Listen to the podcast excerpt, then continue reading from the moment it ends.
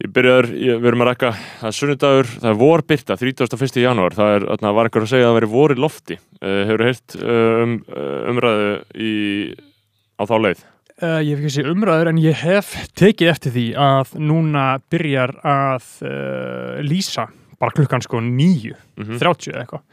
Þannig að það eru bjartir tímar erum Ég sef núna oft með gardínuna niður, að því með það, fyrir, með það í huga að ef að byrtan ætlar að vekja mig, þá Mhm. mun hún gera það klukkan 9.30 og þá Já. er það allir læg. Skilur hvað við? það er, það, er, það er fín pæling sko. Ég var eins og alltaf að vinna með það sko. Já. Að lifa byrtunni bara að veikja sig, vakna náttúrulega sko. Ég var líka að þarna um, ég var að tala við einhvern um svona svefnmál og uh, þú veist, að, hann var að segja að man, manneskjan væri eina dýrategundin sem leiði sér ekki að sofa skilur, sem, sem stundaði það að ráðast á svefnin sinn Mhm.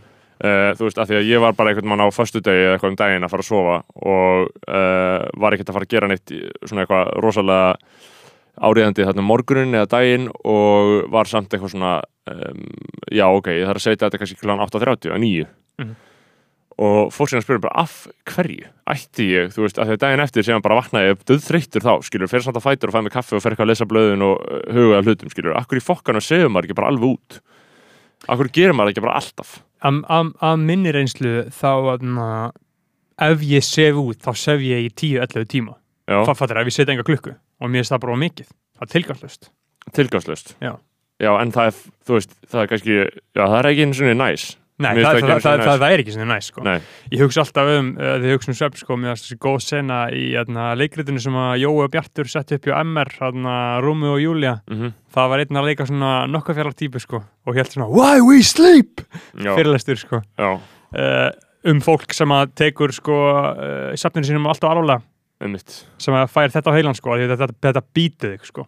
maður þekki marga sem að sko, byrja að trakka svefni sinn og síðan ef þú sefur smá illa þá heldur að það Þa- sé þá- er dagurinn já. þá er dagurinn þú búin að gefast upp á deginum ég þú- tek svefn ekki alvarlega þú, ég, mér veist, ég, ég, ég er ekki í setni tíð, þá er ég svona einu sem var alltaf með kvíðinu, ég, þyrt, gæti bara að sofa Mhm. fimm tíma eða eitthvað, en núna veit ég bara að það breytir yfirleitt engu þó að það gerist, sérstaklega þú að gera eitthvað sem skiptir máli ég er alltaf bara því að maður er að fá 7,5 tíma Já. þá er maður bara mjög góður sko. fara að sofa svona, leggjast upp í rúm klokkan 11 og vakna klokkan 7 já, uh, já, og sopnar e- svona 23.40 já, það er fínt það er fínt það er fínt, en þarna, jú, jú, við höfum mikið til að tala um. Þarna, Já, þannig að sko, ég fekk send skilabóð hérna um daginn. Uh, þar sem við höfum uh, talað um ég veit ekki hvort það hefur í síðasta bræðarlega þetta eða þar síðasta, þar sem við vorum að tala um bræðurna eh, nei, ekki bræðurna, heldur bara gaurana sem voru með þarna Svens uh, tóbaks já, púða já, það eru bræður sem er með það. Nei, ég held að það sé ekki bræður en þarna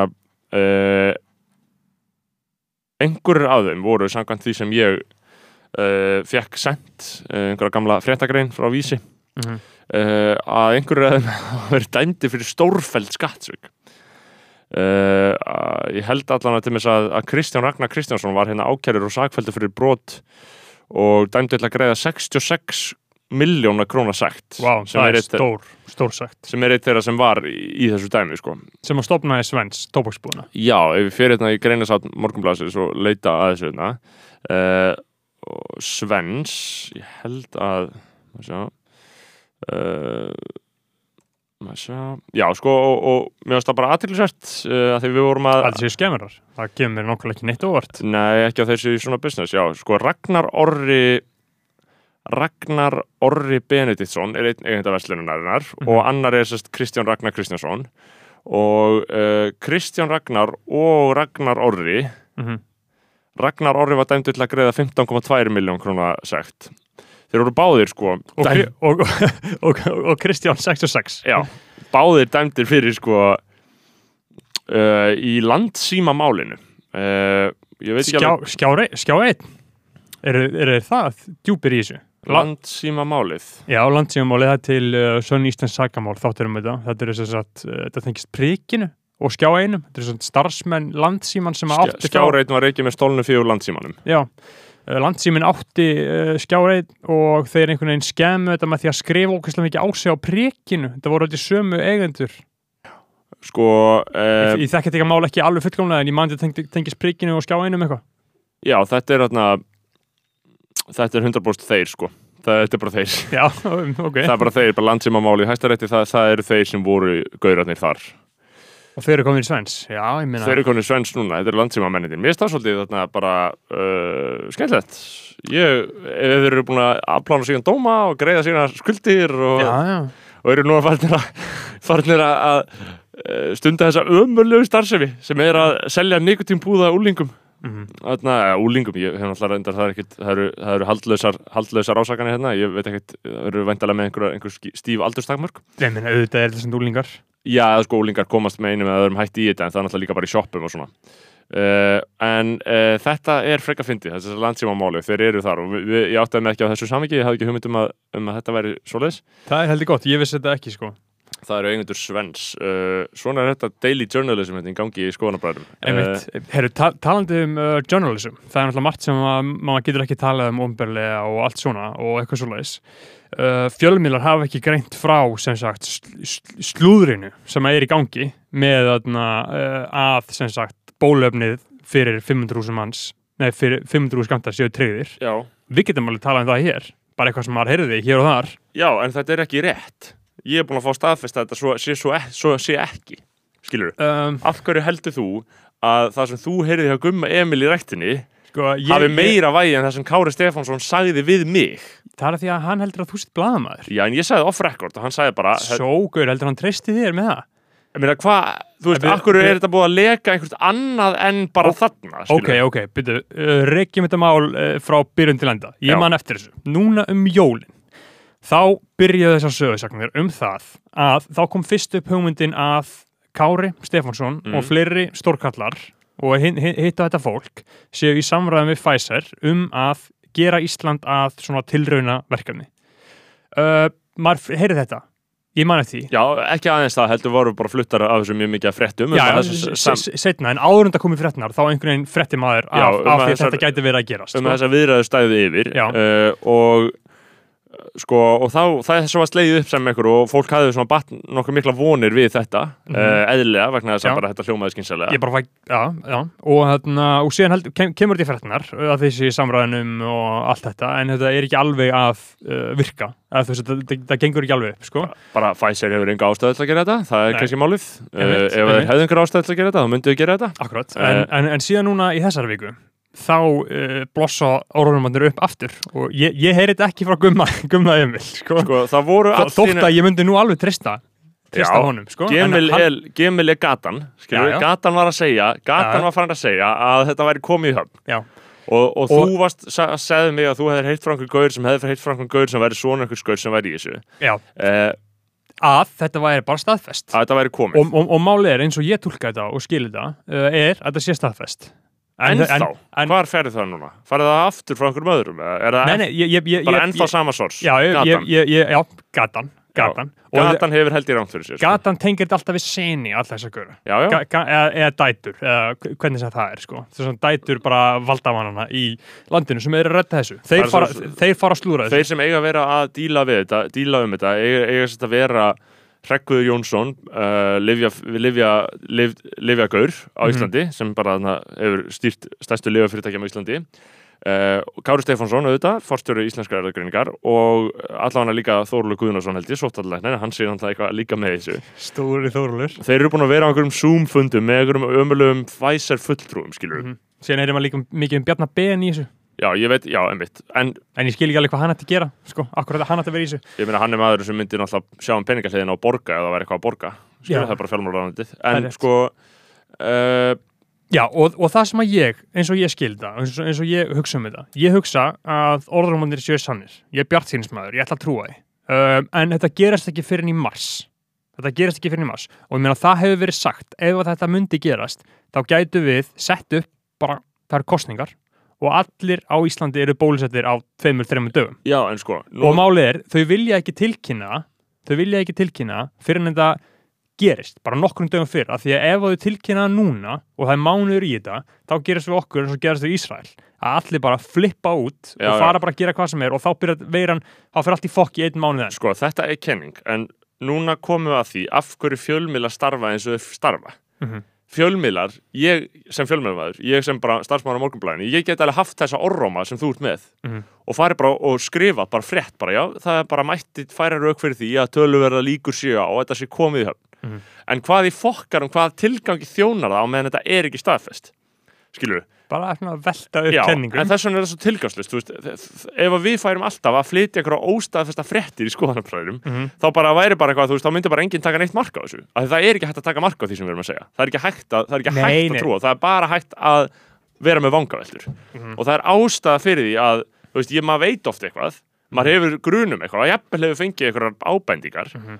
en það bara ef þú ert ekki með áreðanlegar heimildir þá er tilgangslöst að segja fréttina. Þá ertu bara að slúðra Já, við, þetta, er alveg bara slúður. Já. en, en maður, maður að heyra alltaf svona skemmtilega hlýðar á slúðurinn eins og maður heyrði um daginn held ég í fyrra dag að einhver hafi hringt, einhver vinkona einhvers hafi, sem að er læknir hafi hringt eitthvað í landlækni og, hún, og landlækni hafi, skrifstofa landlæknis hafi ekki geta sagt nei við þessu. Einmitt. En það, það, það er líka slúður. Já, það, það, er, það það er, ef þú hugsar, hugsar út í það þú ert að segja eitthvað og ef að þú, sko, þú veist þegar dagblöð, þetta er bara, þetta, þetta býr til, atil, þetta, þetta gefur tilöfni til aðtilisar umræðu um bara fjölmjöla þegar dagblöð segja, við, samkvæmt áreðanlegum heimildum blaðsins, þá Mhm. er þessu svona farið þá þýðir það að blaðið hefur raunverulega áreðanlegar yfirleitt, áreðanlegar heimildir fyrir einhver, eitthvað sé einhvern veginn. Mhm. Ef að við færum að segja núna bara, já, samkvæmt áreðanlegum heimildir skoðanabræður, er þetta komið í gegn, Mhm. þá er það bara galið. Já, já, við, veist, þetta er ekki áreðanlega við erum ekki að segja þetta við erum að kóta í einhverja, sko, einhver börn en, en veist, en, en, en við endum alltaf á því að við vitum ekki neitt, við erum alls ekki vissum neitt, við erum meira sem búin að fá nei frá Kára. Ég talaði við Kára og ég spurði, er þetta komið höfn? Mhm. Nei. Já, Er þetta að komið höfn? Ég veit það ekki. Þú veist, ég, ég ætla bara að lifa mér að vera bjart sínismæður í smáli og trúa því- trúa að, því, að þetta sé að fara að gerast En ég er að segja, það er ekki góð vara frá okkur til hlustenda að þú sért að trúa einhverju En- sem þú heyrir hjá Gumma Emil í rættinni. Ekki hjá honum, en hjá fólki sem er þar. Já, já. Uh, nei, menn þá er það bara með fínt mótvæð. Ég trúi þessu, þú, trúir þessu ekki. Ég segi bara ekki taka marka á því sem hérna kemur fram vegna þess að við hefum enga fórsöndu til að fullur að nokkuð Já. skapaðan hlut um það. Ég segi bara lítið á björtu hliðanar. En ég, meina, ég, ég held bara að við séum ekkert að fara að fá þetta. Ég held að við séum að fara að býða fram, í, fram á mitt sömar eða senkt í sömar. Þannig að eitthvað fara að gerast í þessu helst bóluefnavóli. Og það, það er alveg bara mín, minn nótti, sko. Ég trú ekki að við séum að fara að fá þetta. Ég sé ekki akkur Pfizer ætti að gera þetta. Um, ég sé það ekki endilega heldur, sko. Uh, og er heldur ekkert svo mikið að uh, leitast eftir því að sjá. Þau vilja bara sjá það, þau gætu til dæmis, uh, ég, varst það þú sem sagðir að þú veist, ef þetta myndi gerast, þá um leið og allir væri bólusettir, þá væri öllu aflétt, fullkomlega. Og það væri í rauninni tilraunin, til að sjá hvort þetta blossi upp aftur, þegar allt þjóð er með Já, fullkomlega hjarð ónæmi. Já, ég meina sko, ég veit ekki alveg hvernig tilurinn ætti að líta út en auðvitað er það hluti af prófun á bóluefni Mhm. að sjá hvernig það lítur út Mhm. þegar þú bólusetur ákveðin hluta af stórum hópi og sérð hvernig langtíma aðlöðingar eru. Það væri tilurinn Já. að bara leifa öllum að, að gera þetta. Uh, en ég fór líka að hugsa um sko, ég fór að hugsa um bara þetta hlutverk okkar sem fjölmjörðumennum manna uh, og ég var að hlusta á hlaðvarp núna atna, frá Þýskalandi þar sem við erum að tala um svona bara ástandmála og það er að fara mjög djúft í bóluefnamálin, þeir eru mjög djúft að fara í hvernig samningarnir virkuðu, hvernig þarna, uh, þau voru líka að tala um svona, svona hraðapróf, próf, svona sínatöku pinna sem maður getur bara séð um sjálfur. Og voru að fara í sko gallana og kostina og ég veit ekki hvað og hvað. Um, við svona sínatöku pinna sem þú getur bara, það, það, er, það er tækni sem er eiginlega komin mjög langt sko, þú getur bara að prófa sjálfa þig uh, með- fyrir COVID.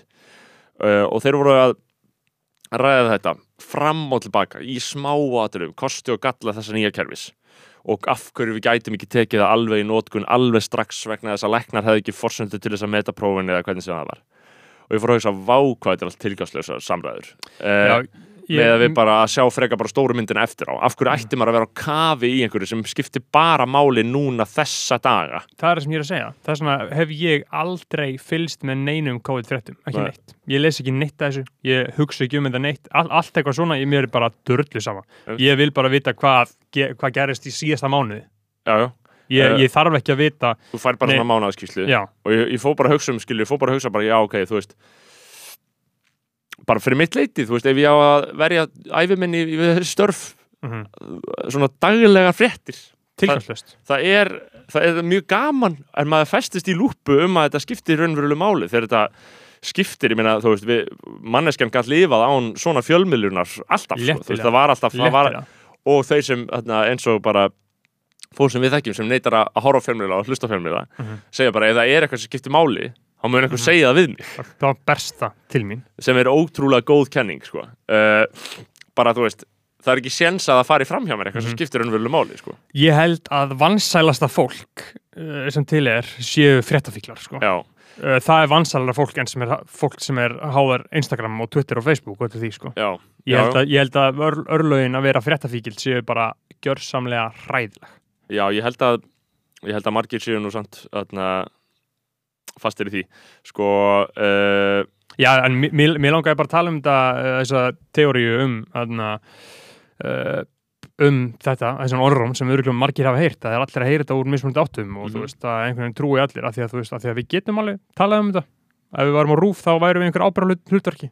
Já, en, en, en ég er að segja að það er ástæða fyrir því að fjölmiðlar hafa þá reglu að tala ekki um þetta vegna þess að Mhm. hlustendur okkar, ef við værum bara alltaf að tala um eitthvað slúður Mm sem væri bara ekki rétt, þá er þá fólk hugsa, hætti fólk bara að hlusta á mann sko. það er bara ástæða fyrir því að fjölmiðlar bladra ekki. Já, já, en, en, en ég var náttúrulega bara að bera þetta fram bara, þetta heyrði ég Já, og ég trúi þessu, Já, ég trúi þessu.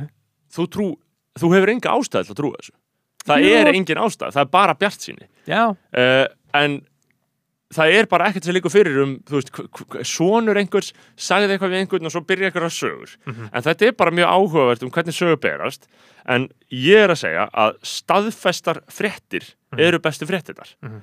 bara fréttaveita sem að treystir sem segir ekki hlutina fyrir en þau vita það Mhm. ef að við fengjum þetta, ef við væri bara með kontakt bara aðstofamaður heilbriðsáður, myndi bara ok, ég skal bara staðfesta þetta við þig, þetta er komið Mhm. þá myndi ég fara hérna og segja ég hef heimildi fyrir því að þetta sé komið en það er það ekki núna, skilur Nei. Þess vegna segjum við ekki þessar fréttir. Þess vegna gerum við það ekki heldur, ekki frekar en rúf ekki frekar en bylgjan, ekki frekar en mokkin, þú veist, það er ástæða fyrir að þetta sé, að við háttum þessu svona.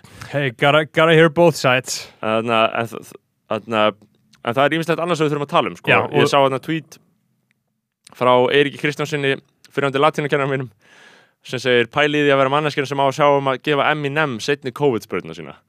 Uh, hversu fristandi væri að segja you only get one shot og hlaupa svo út Já. hræðilegt hræðilega auðla húmór en það var bara svo gott sko Já, finnst þetta ekki gott nei.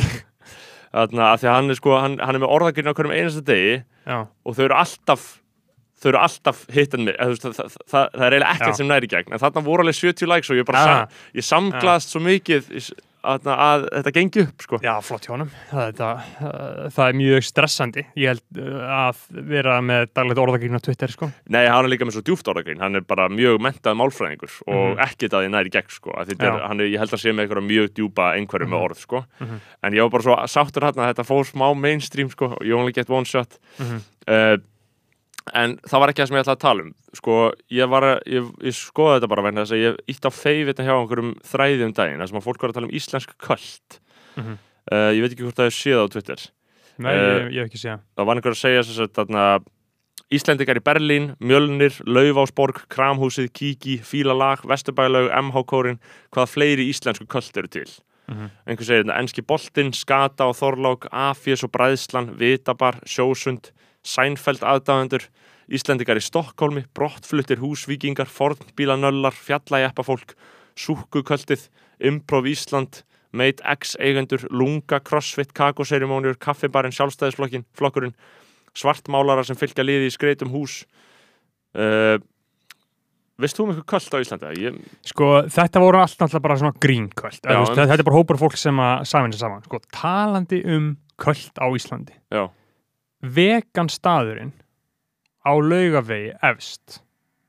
Efst á laugavegi þar sem þú ert að fara inn í laugadalinn. Getur þú googlað hvað hann heitir? Vissu ekki hvað stað ég er að tala um? Hann heitir eitthvað Happy eða eitthvað. Hann er, hann er bara alveg efst á laugavegi rétt ára nú kemur að bensinstöðuna sem að nætuváttum að tekinu. þetta er ekki grúska eða eitthvað. Nei, hann, hann er við hliðin á þjós, þjóðskjálasafninu. Nei, nei, þetta er ekki á Suðurlandsbraut, þetta er ennþá á laugavi. Og þetta var lokað uh, í þrjú ári eða eitthvað. Og þetta er bara fullkomlega vegan uh, staður. Sama er, ertu að googla hvað hann heitir það? Ég er bara að leita að uh, laugavegi, hérna, Bantæ, Já, ofan Bantæ. Ásholt, Klettur, Tjekkland, Loving Hut, Iceland Loving Hut Oi, oi, oi, oi, oi. Loving Hut Iceland þetta er fullkomlega vegan staður og googlaði Loving Hut Cult þetta er cult sem að rekur hann að stað og þau eru svona að það er til, til, til einhver væs heimildamind um þetta cult sko og þau reka 160 vegan staði út um allan heim. Today I learned that Loving Hu- Hut is run by a cult. Mm Oi, oi, oi, mér finnst þetta viðbjöður, bara alveg án þess að vita þetta en bara ég hugsa bara Loving Hut eitthvað vegan veitingastæður -hmm.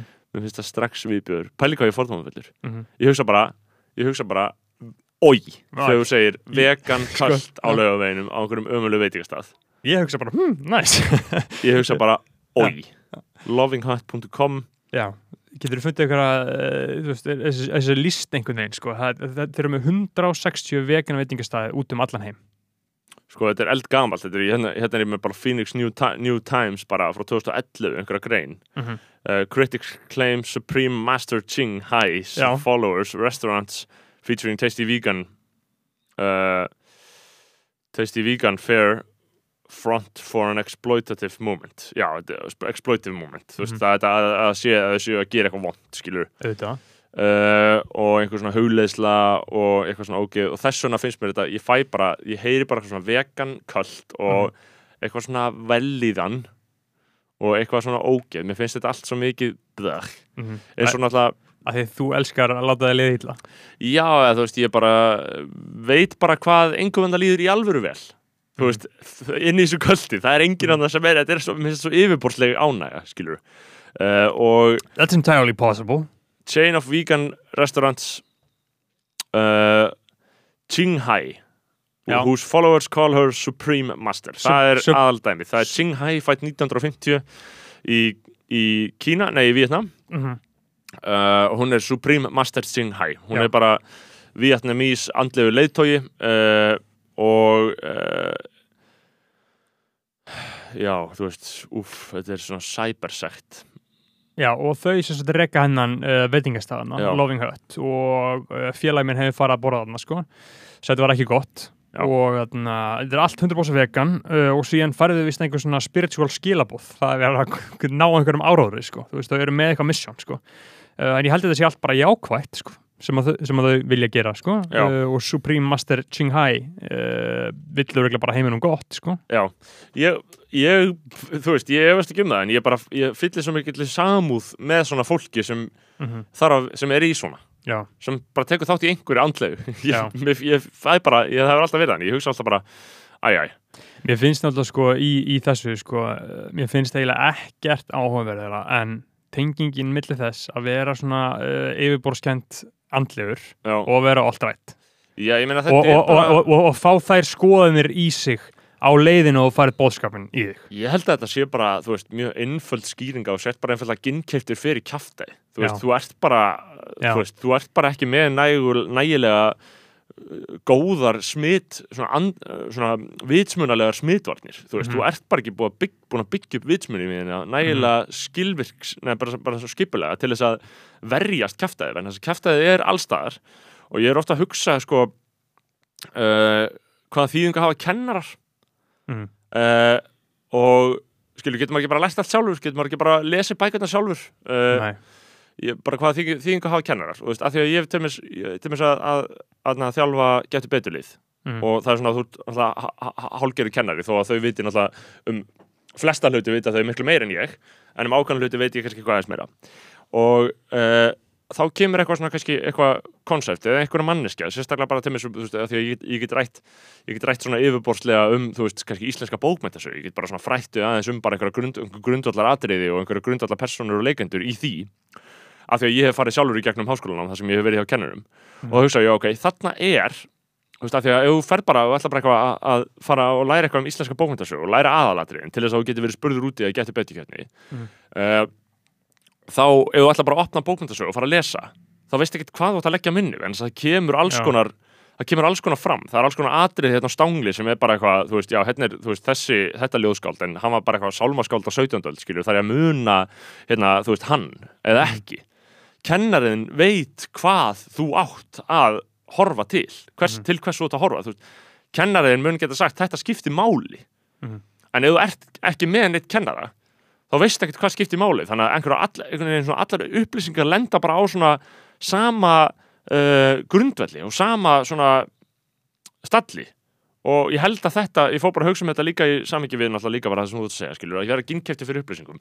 Það er svona svo mikilvægt, þú veist einhvern veginn kennara skipt svo miklu máli, bara góði kennari sem hefur bara verið mjög lengi að Sko- velta hlutinu fyrir sig, hann veit hvað skiptir máli. Já, og ekki endilega bara kennari, heldur líka bara uh, til þess að læra lang mikilvægasta og skilvirkasta leiðin til þess að raunverulega læra það er að þú færið upplýsingar og þú þart að nota þinn eigin sköpunarkraft, einhvers konar kreatífu orku til þess að útskýra þetta. Já, Fattur það er ekki, þú þú skrifir reitgerð eða, tal, eða talar til þess bara í tíma. Mhm. Kennar að spyrja eitthvað og það myndast umræður. Um. Þannig raunverulega lærir já, með með því að þú þarft að segja það sem þú ert að lesa hvort sem þú sett að skrifa um það eða tala um það eða hvað sem er að þú notir eitthvað svona kre kreatíft kapa kapacitet til þess að búa til eitthvað annað úr upplýsingunum og eins og þess að endur segja einhverja sögu skilur En já, líka bara að einhver spurji eitthvað svona gangi svolítið á því og spurji bara Já. af hverju þetta segja þetta, skilur Mhm. og þetta er bara eins og Gunnar Smári verðandi að tala um, skilur hvað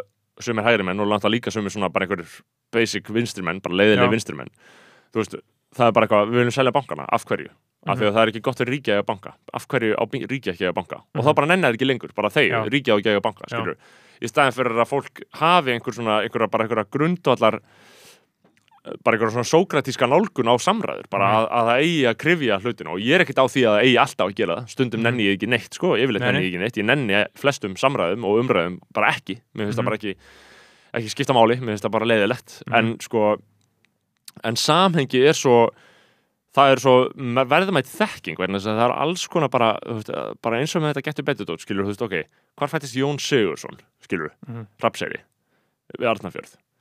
ok, við, við viljum vita það. Það er safnvar, Já, skilur við viljum, við viljum geta svara því hvar, hvaðan er Jón Sigursson Mhm. en síðan, þú veist, hvaðan er fucking bara skilur hvaðan er Konrad Gíslason fjölnismæður það Ég- skiptir ekkert jafn miklu máli. Nei. hann er eitthvað stóru skaga fyrir því. Mhm.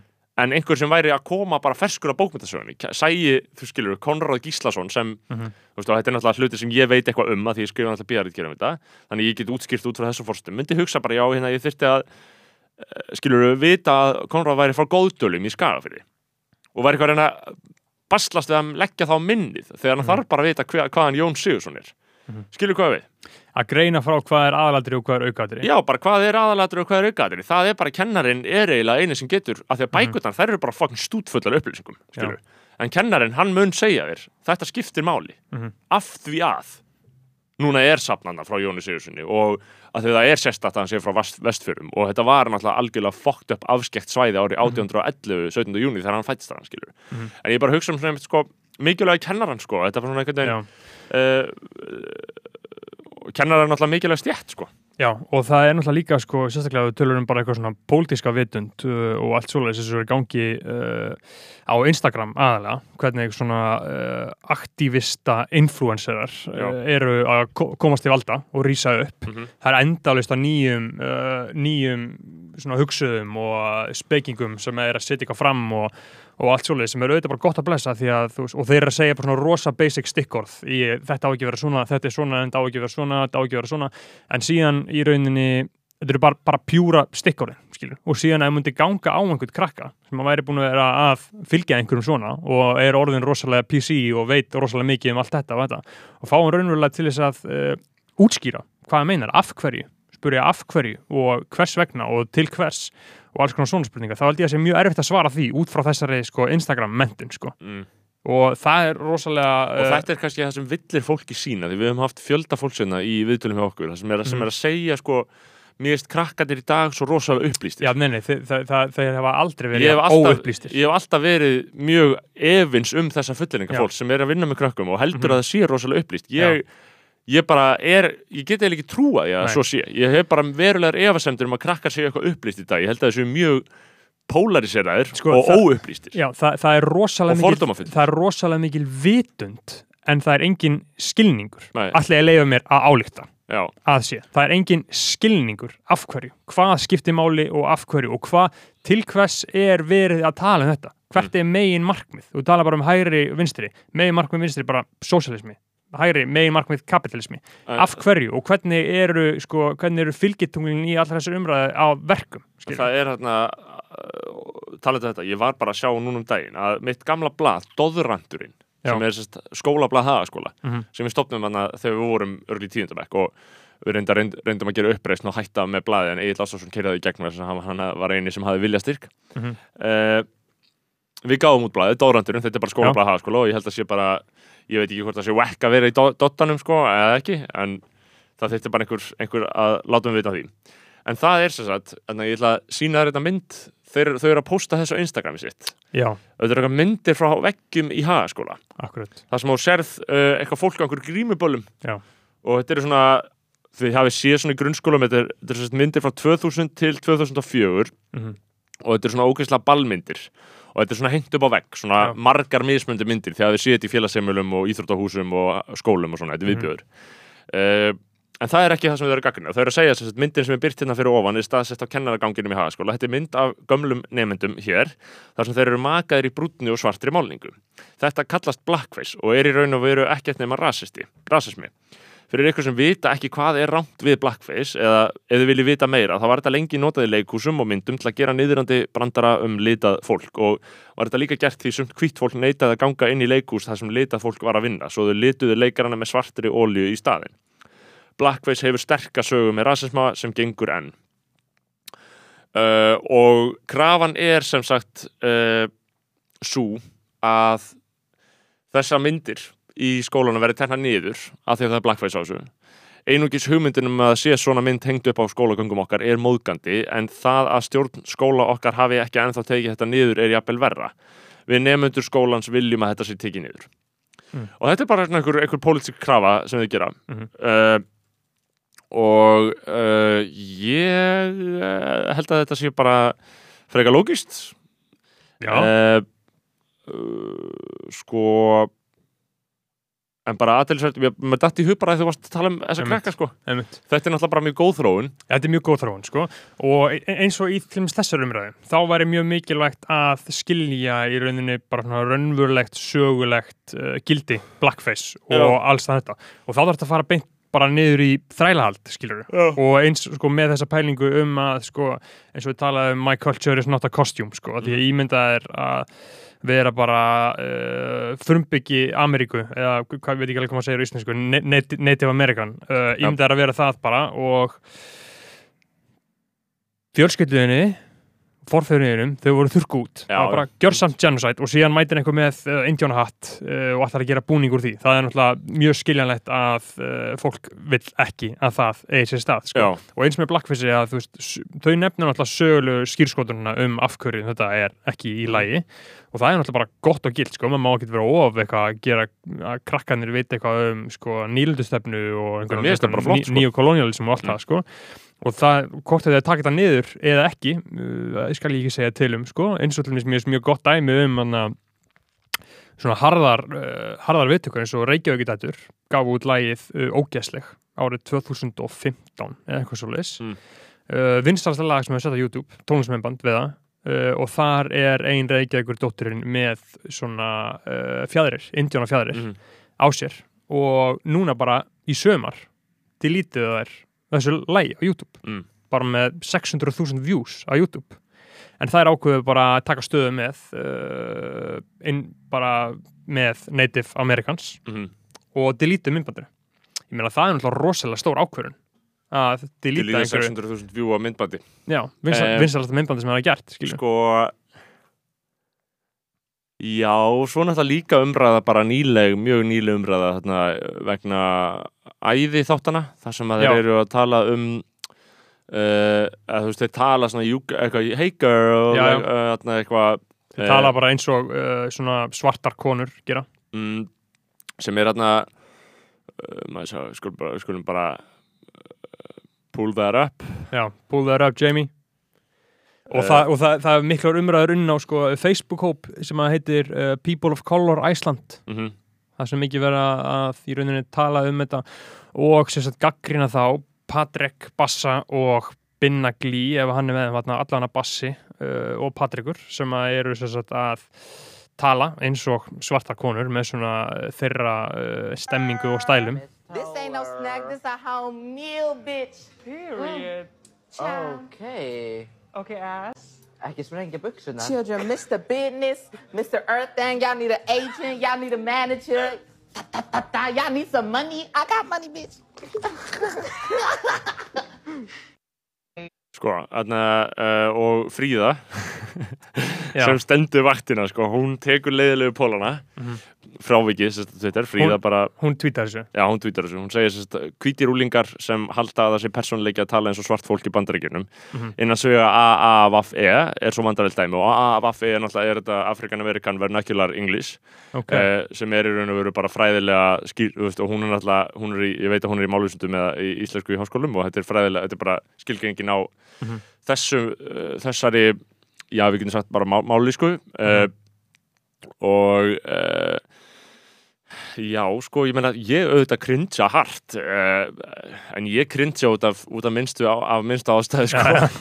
En sko uh, það hafa myndast einhverju umræðan um þetta um að þetta sé ekki eðlilegt að, að tala svona. Mhm. uh, og kannski að það sé bara alveg rétt. Ég er til í að taka undir það að svo miklu leiti sem ég hata bara pælinguna, skilur Mhm. en ég er, ekki, ég er ekki að koma góðri átt því ég gera það, þú veist, Nei. ég segi bara eitthvað já, þú veist, þetta er pyrrandi uh, talsmáti, þetta er Mhm. asnalegt, skilur en ég er ekkert að segja að þetta sé uh, já, þú veist, það er náttúrulega enginn að segja að þetta sé grunninn rasíst, fólk er bara að segja að það sé frekar þeir, þeir, þeir sé- meina í rauninni ekkert illt með þessu þetta Nei. er ekki eins og uh, og það er svolítið nefnilega, finnst mér svolítið megin punktur í þessu án þess að ég ætla að fara að tala fyrir að ég hef engin, engan rétt til þess að segja hvort það þetta sé gott eða slemt eða eða ekki, auðvitað hlusta maður bara á raunverulega litað fólk Mhm. uh, og fylgir því sem að þau segja Nei, en svo líka skilur þetta er náttúrulega líka bara að mínu mati svo afsakanlegt að því leiti að það er augljóst að allt efnið sem þetta fólk neytir Mm. Já. Allt sem þau sjá, þau lifa og hrærast í því allan daginn á netinu, í Já. tónlist í kvikmyndum, það er bara Já. fólk sem tala svona og, Og- er með þetta, þetta attitút. Og líka góða er að þarna er ekki verið eins og er típist þegar einhver er að leika til dæmis svona svartan, skilur við, svart fólk, Uh, það á það til að vera rasískir undirtónar í því með því eins og ég var leika svartan gauður og væri sem myndi segja I'm gonna pop a cap in your ass homeboy. I'm svona. shoot you in your face man. Já. þú veist, svona sem sagt að íta undir neikvæðar Staðalmyndir, staðalímyndir einmitt. svartra en ég veit, þarna er hann er bara eitthvað þykist vera einhver gælla Já. og bara einhver heit bandarísk, strippara eitthvað, Já, eitthvað dæmi og, og, og náttúrulega málið er líka eins og þess að segja að þú, þú bara, bara, þú bara gjössanlega lifir og hrærist í þessu Já, veist, þetta, þetta, þetta er rosalega kultúr, bara Me- Megan Thee Stallion og Já. Nicki Minaj og allt þetta Eitthvað Ti- svona svona TikTok-dót Bor, og ég veit bor, borða stórar píkur rap já, já, já, já, og ég veit til dæmis sérstaklega bara með Bassa sem Mhm. að er að tala þarna, það er engin annar að tala Mhm. uh, hann er, hann getur hef ég heyrt, rappað hvert einasta Nicki Minaj lag, orð fyrir orð algjörlega í gegn án þess að lesa textan já, og er bara, elskar þetta skilur, Mhm. er bara með þetta á heilinum og ég þess að heyrt lag sem hann gerir, hann er rosalega góður rappari mm. Og- uh, burt burt sér frá þessu sko og þess vegna sko mér finnst þetta, ef ég bara leggja mitt mat á þetta þá finnst mér þetta svona úrkynjun sem ég er samt bara til í að peppa þannig séð Mhm. að þetta er náttúrulega bara ef við tölum um hrun Vesturlanda já, þú veist. þá, þá, þú veist, þá er það það skilur ég, ég er alveg samanlega þetta sé hluta því. En, en þú veist, mér finnst þetta samt svona frekar litríkt og að einhverju leiti valdeflandi miklu frekar en Já, skilur og, og, og það þarf náttúrulega líka að horfa til þess eða miklu frekar en þetta sé einhver parodía af svertingum og þeirra já. Skilur lífi? Einmitt, ég, ætla bara að segja í þessu að ég er náttúrulega bara, þú veist, ef að fólk sem á raunverulega hagsmunna þarna og Já, þá væri ég bara til að heyra hvað þeim finnst, Já, sko. þá væri ég til að heyra hvað þeim finnst og hvernig þetta að- kemur við þau Já, skilur af því að ég hef ekki lesið umræðunar sem sköpuðust á sem Facebook-hóp, ég sé bara að setja tíst sko. heldur ekki að því að við sem bara tveir hvíti gaurar getum ekki endilega nei, talað um hvernig, þeirra upplöðin er af þessu. En það er líka til dæmis, ég er búin að horfa á fyrstu tvo þættina eru komin tvei þættir af uh, Patrikur Remi á nýju, nýju seríunni. Og þú veist, það er líka bara magnað að svona gaurar fá allt í hennu pláss bara á stöð tvö. Einmitt. ímyndað er þetta ímynda þetta bara fyrir fimm árum eða fyrir tíu árum eða eitthvað svona. Af því að þessir, þessar menningar Nú er þetta ekki eins og umdelt sko. Nei, það er bara, þetta er ekkert umtilt, þetta er bara fullkomlega eðlilegt að bara plattforma svona uh, lífstíl og skoðanir einhverja og eitthvað svona dót. Og, og er, glamúr homma kings já, já, bara mistarar og, og það sem að gerist náttúrulega líka er sko á internet, uh, TikTok og Twitter og Instagram og allt þetta, þú veist að menningar svolítið svona mörgja sko Mhm. og það sem helst rosalega mikið í hendur er til dæmis bara, ég held Nicki Minaj, hún er bara illað rappari og Mhm. bara kemur úr, bara, hún er bara frá Queens og bara ólstu við það að vera bara battle rappari Mhm. og síðan verður hún popstjarna og ég held að núna uh, töluveri meira hluti hennar aðdánda eru hommar Mhm. og svona fólk sem er í LBGT sa- samfélaginu, svona glamúr, gli, glimmer uh, drag, drag dót sko. svona feitir rassa stripp Já.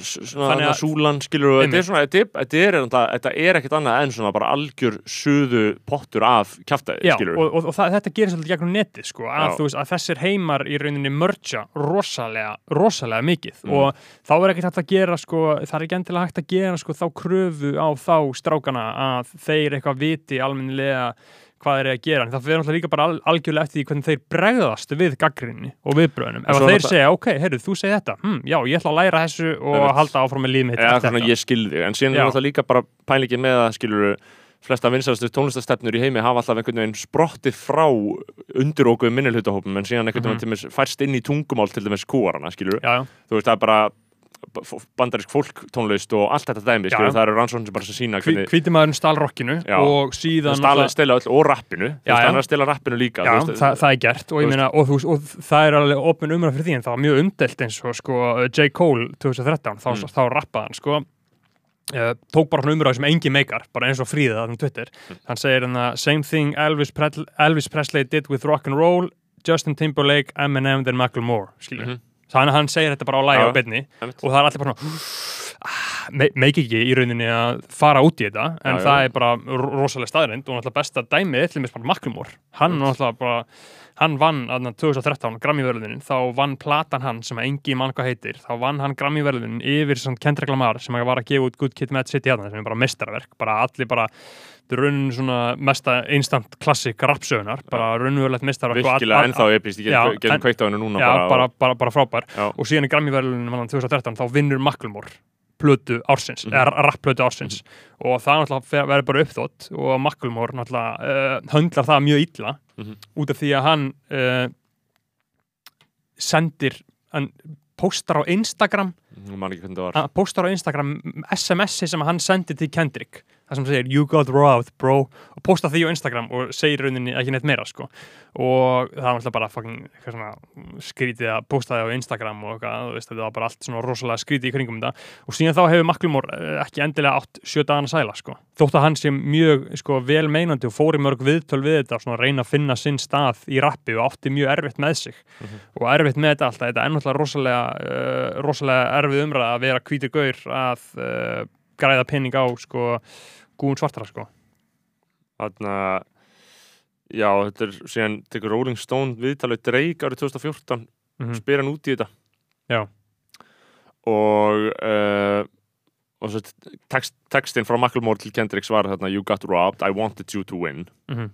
uh, og Drake uh, segir þarna to put it bluntly he thought that shit was whack as fuck Já, I was like, you won. Why are you posting your text Einmitt. message? Just chill, take your Mhm. win, and if you feel you didn't deserve it, go get better, make Já. better music.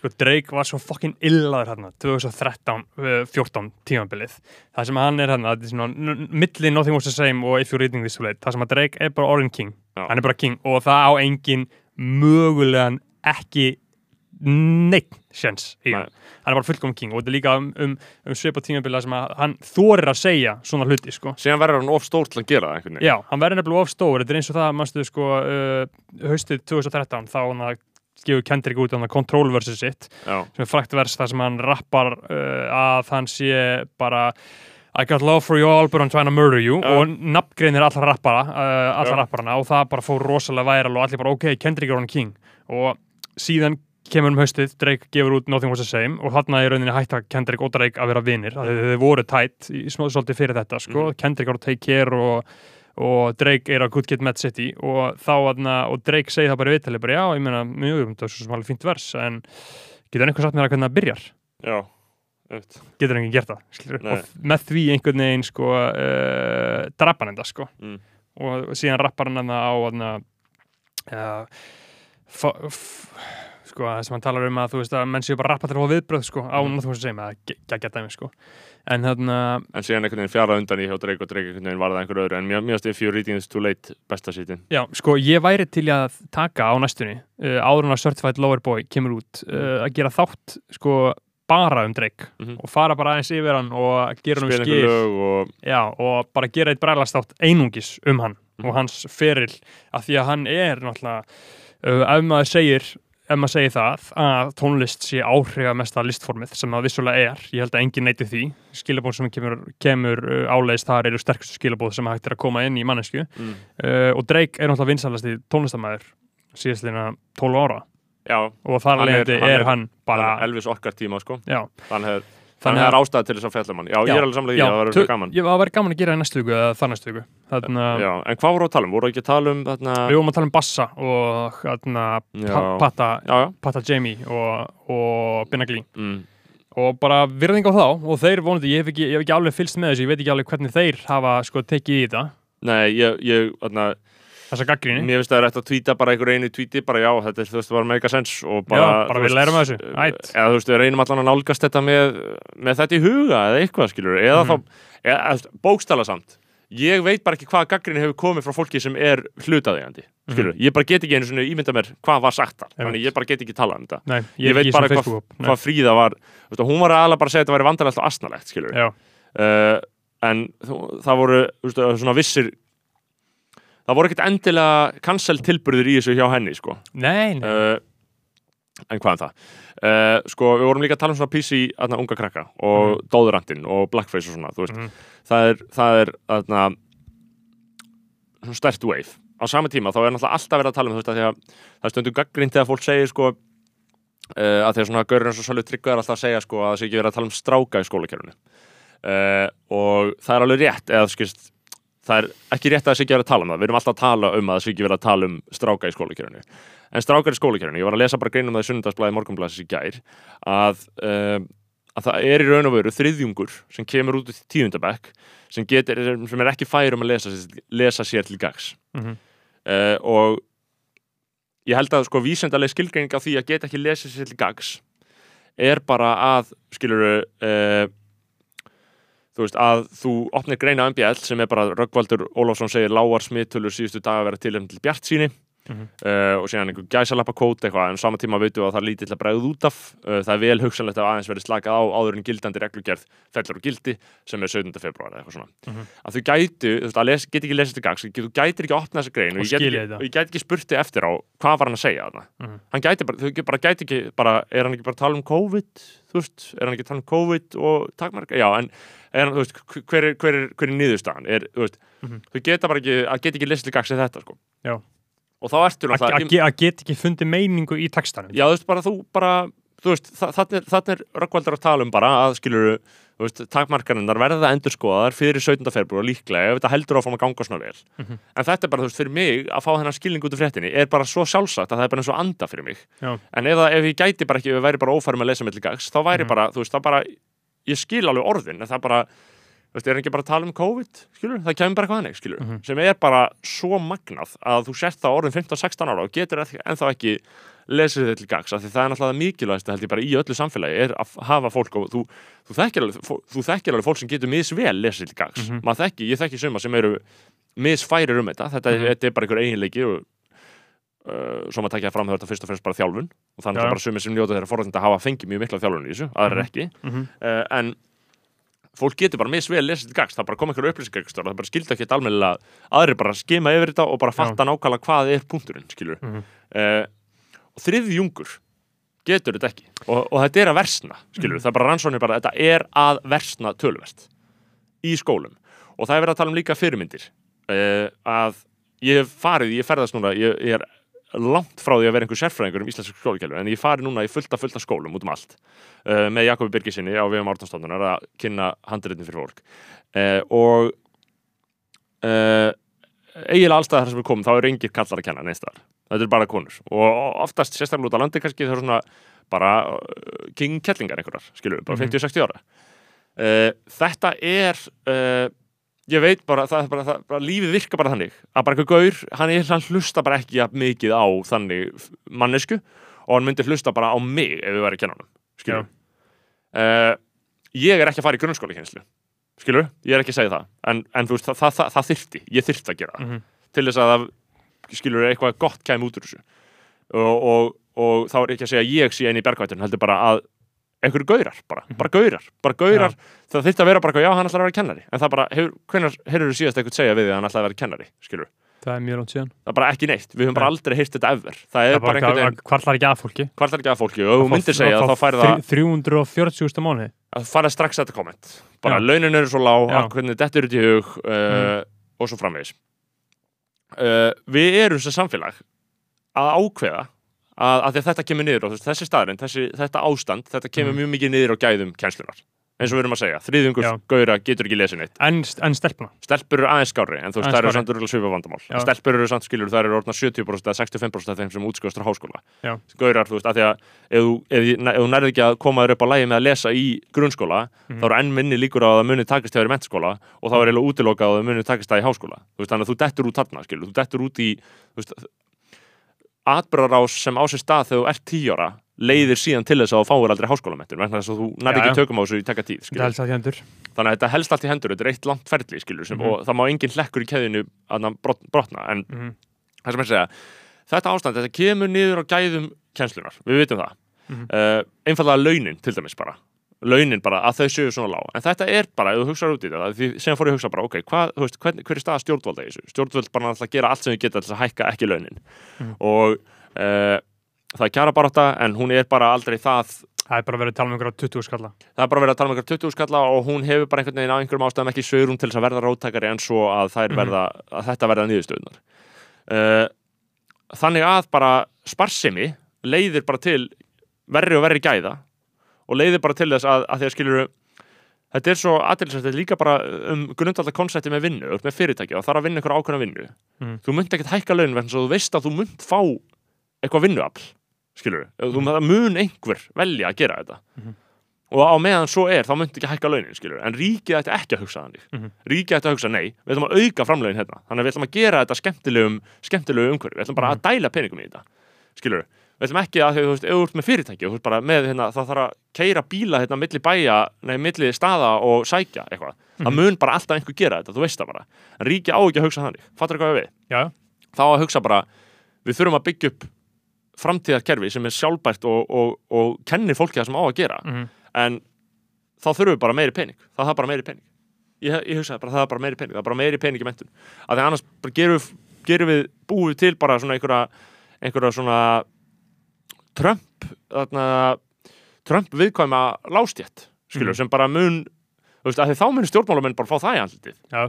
Þá munir þið bara fá eitthvað þannig, skilur það munir bara fá eitthvað þannig. Ég held að sé ekki neitt mikilvara en að fokking dundra peningum í skólakjörðu. Bara sem ég- gjörsamlega móka peningum inn og gera þetta bara ógeðslega þægilegt Já, og gera þetta, og gera þetta gott af því að þú veist, það sem að raunverulega gerir gott samfélag er gott skólakerfi, Já. gott mentakerfi og gott heilbreyðiskerfi og þetta dót á að vera ókipis Já. og það á að vera virðingavert að vinna í þessum stofnunum, það á að vera bara epist, þú átt að vera bara með 700.000 mánuði útborgað akkurat núna, þú átt að geta farið í góð frí, þú átt að geta lifa raunverulega góðum lífsgæðum og af hverju það er ekki svona? Ég þekki ekki alveg þróunna hér, ekki hér, hér á Íslandi en ég get útskýrt sko, ég var að lesa eins og það er í Noregi. Sko 70s, uh, ég veit ekki hvernig það var á Íslandi uh, af því að ég bara hef, hef ekki lesað mig til um það, er ekki með upplýsingar um það.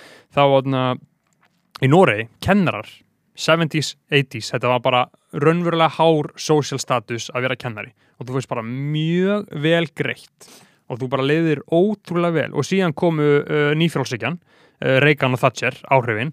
Og þá komast þannig stjórnmálamenn til valda og þeir ákveða, já, nei, nei, þetta á ekki vera svona Mhm. skilur, við ætlum að fjársvelta skólakjörfið og engavæða og hafa þetta dýrt þannig að þeir sem að standa sér best, þeir fá þetta það best. Það þannig gerist þetta í Noregi og þannig var þetta fjórsveld smátt og smátt og smátt og smátt. Og það sem að menn gera, svona nýfrálsækju nazistar, það sem að þeir vilja gera er að fjórsvelta kerfin til þess að þau verða ógeðslega léleg og þá geta þeir sagt, herru, þessi hérna Jón, hann var að klára hérna leknanám út í bandaríkinum og allar opna klíning hérna og allar hafa þetta engavætt, allar hafa þetta, allar að græða pening á þessu. Og það sem er alltaf gert er byrja á því að fjársvelta sopnun, að gera hana óstarfæfa og láta fólk hata það að þetta sé ríkisopnun og eitthvað svona. Og maður horfður til mér sá að uh, Kúbu, Kúba hefur alltaf þurft að þóla bara viðbjóðslegt ofbeldi að hálfu bandaríkina, þau eru bara búin að vera með sanctions á það og bara í bara áratugi. Já, og Venezuela og svo, svo taka þau svo taka, taka frálslindir fjölmennamenn þetta og segir Já. hvað er ástandi þetta bara, þetta er ekki út af kommunismu, þetta er út af Einmitt, og, og, og það sem að gerst viðskiptafingurum Já, og það sem að gerast náttúrulega við Castro var að hann þurfti að fara til Sovjetiríkina út af Já. því að það var bara eina leiðin til þess að geta að lifa á því, að við, því að bandaríkin höfða þannig að ef að þú stundaði viðskipt við Kúbu þá varst þú óvinni bandaríkina Mhm. og, bara óv, og, ekkert land vill vera bara óvinnur helsta herrveldi mannkynnsöðunar þannig að en, en með Kúbu þeir, vor, þeir náðu að halda í gegnum allt þetta, í gegnum þetta rattfokk bandaríkina, þá náðu þeir að halda heilbreyðiskerfinu sinu og mentakerfinu sinu, það er ókipis að fara í háskóla. Mm. það er ók, þeir eru með bestu læknistjónustu í heiminum Ég hefur ekki séð kúbersku læknana þegar Jú, alltaf þeir- þegar það gerist eitthvað að senda þið lækna Já, alltaf. Bara, til, bara þeir fara bara eitthvað til Zimbabwe eða Central African Republic. og í COVID þá, var, þá voru svona hópar kúbersku lækni sem komið Já. flugvélum þarna til Bergamo og eitthvað svona Að því að málið er að þetta er það sem skiptir máli í samfélaginu. Og, og málið er eins og ég er svolítið verið, mikið verið að hugsa sko, það sem helst stendur í vegi fyrir sósialismannum, skilur við. mm. Það sem er, helst, það sem er helsta uh, meinið í samfélaginu okkar, það er neysla. Það er að kaupa að neysla og materialismi. Mm. Að fólk þurfa alltaf nýja og nýja og nýja hluti. Og fólk heldur að lífi snúist um það. Ég get mjög tengt við að hugsa um það. Ég var eins og hannig, bara fyrir, fyrir fjórum árum, þá skipti það mig meira máli að fá nýjan dýran jakka en að fara í helgaferð einhvert. Mm. Veist, það var meira valjú í því. Ég hugsaði þannig. Og ég held að þessi hugsun um að þú þurfur alltaf meira, meira og meira hluti, að hlutinni séu það sem er að gera þig sáttan með líðið sem þú átt, Mm. að þessi, þetta dræf eiðilegur það að allir vilja meira og meira pening bara fyrir sjálfan sig, í staðan fyrir að hugsa kerfislegt eða hugsa um þetta saman eitthvað samfélag, Mm. er að allir vilja alltaf auka lífsgæðin sín, gera þau betri og betri og betri, eða svo kallu lífsgæði innan gæsalappa. En sko mentakerfi á Íslandi er ágætt og það er allt í læg ég, þú veist, maður kemur og það er bara fullt af bókum út um allt og það eru nefndur og það eru kennarar og bara, Mhm. þú veist, þau fá alltaf borða og það eru allir ferskir, skilju Mhm. en þú veist uh, bara, það þarf bara fleiri starfsmenn held ég, Já. það þarf bara fleiri og betur uh, og, og málið er að það, það er svo það er svo frústrandi hugsun að það er alltaf bara eitthvað, þú veist, ef við getum rekið þetta svona ódýrt, þá Mhm. gerum við það bara Mhm. Skilju, í staðin fyrir að bara við Já, að fjárfesta í þessu. Veist, og, og að því að þú getur rekið hluti alltaf bara eins ódýra og þú getur skilju, en þá verða þau bara fucking crappy, öllum, öllum starfsfólkinu líður illa í þannig umhverju, Mhm, mhm. þú veist, það er bara ég veit ekki, ég veit ekki hver, hvert svarið er eða hver lausnin er, en þetta er svona En ég hugsa bara að það er ekki einhver- í, þú veist, fólki sem að vinnur í mentamála ráðunetinu, menta og menningamála ráðunetinu, þau hljóta að vera svolítið meðvitað, meðvituð um allt þetta. við erum ekki að segja þeim neina fréttir, aldrei og það, það, það getur ekki verið. ég er, ég er alveg vissum að þau eru og það er gríðarlega mikil stefnumótun sem fer fram og auðvitað er verið að hugsa um það hvernig á að móta mentakerfi sem best og hvernig á að nýta fjármununa og hvernig á að uh, bara líka auka framlög. Við erum ekkert að segja neina fréttir hérna. Við erum bara svona, mér finnst það líka viðbjöður að, að við erum hérna eitthvað svona einhverjur gaurar að tala um hvernig mentakerfi á að vera og heita þetta, þetta fólk veit alveg hvað það er að gera. Mhm. uh, Já, já, en við erum heldur ekki til að tala til þeirra. Nei, en ég er bara að segja svona hugsanir, bara almenna hugsanir en sömulegis líka heilbriðismálin skulum, mér finnst bara einmitt, þetta bara mentakerfið og heilbriðiskerfið, þá bara að fucking dæla peningum í það Kára Stefánsson fór í undirskriftasöfnin hérna um fyrir nokkrum árum, þá fór hann í undirskriftasöfnin þar sem hann undirskriftinnar sapnaði bara, þetta var einhver mesta undirskriftasöfnin í sögu þjóðarinnar þegar hann sapnaði fleiri tugum þúsunda undirskrifta um það að ákveðinu hlutfalli af uh, landsframlæðslunni skildi varið til heilbríðismála Mhm. sem er bara eitthvað 9% eitthvað, mann ekki nákvæmlega hvernig það var, skilur en þú veist bara svona að að þannig er það í öðrum löndum skilur, en Já. hérna hefur verið minna. Ég veit ekki hvort að þessu hefur, hafi verið mætt sko, eða eitthvað þannig, en, Mhm. en stert heilbríðiskerfi, stert mentakerfi, þetta er þarna, það eina sem gerir samfélag okkar gott, þetta er eina sem er einhvers virði. Uh, hitt er bara eitthvað svona fram og tilbaka drast, sko, tappar í eirunum og, og podcast með, með einhverju fólki það er, það er, það er allt tilkastist, það kemur að fyrr Einmitt, ég er alveg að hugsa um sko, eins og uh, Benny Erlings var að segja hjá okkur sko, að uh, kostningalofur hjá fólki ætti að vera að lofa fólki minna sko. ætti að vera að lofa já það verður minna þessu við ætlum að, að drekka minna nokk og ætlum að kaupa minna shit og kannski fara minna til útlanda eða þú veist ég veit það ekki að fara í minni helgaferðir skilur en við fáum allt þetta Já, við fáum gott, heil, gott heilbriðskerfi, við fáum gott mentakerfi og við fáum gott listalíf hér.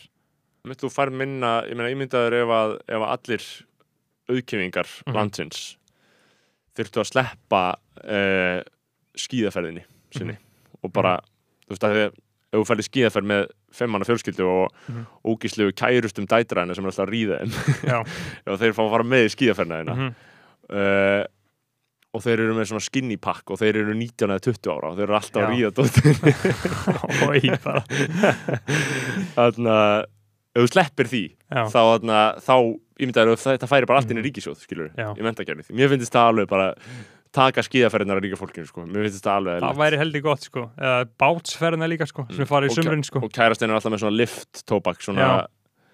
og hann er alltaf í símanum. Og ég Mhm. kom með langar fucking lúbergi hann Já. þannig að berðu hann kæri Mhm. auðgjöfingur og geðu peningar til góðgeramála eða bara inn í ríkisjóð, mér finnst það æðstu góðgeramálin Mhm. hægri menn munum vera ósamála og ég er svo sem aðna sammála þeim um að vera ósamála því ég er ósamála sjálfur mér í flestu sem ég segi tek allt tilbaka sem við sögum eins og Já. Uh, skítið ykkur og við heyrumst í næstu viku. Hefur eitthvað við þetta bæta bara Uh, nei, ég held að við séum bara uh, á helviti góðri leið. Bara segja vinum ykkar að kíkja yfir á Patreon og enn og aftur, ég menna að þið geti alltaf sendt okkur, okkur skilabóð og beðið okkur um að tala um eitthvað, við munum gera það. Er ný stefna mm -hmm. þannig að bara hafa það gott. Já,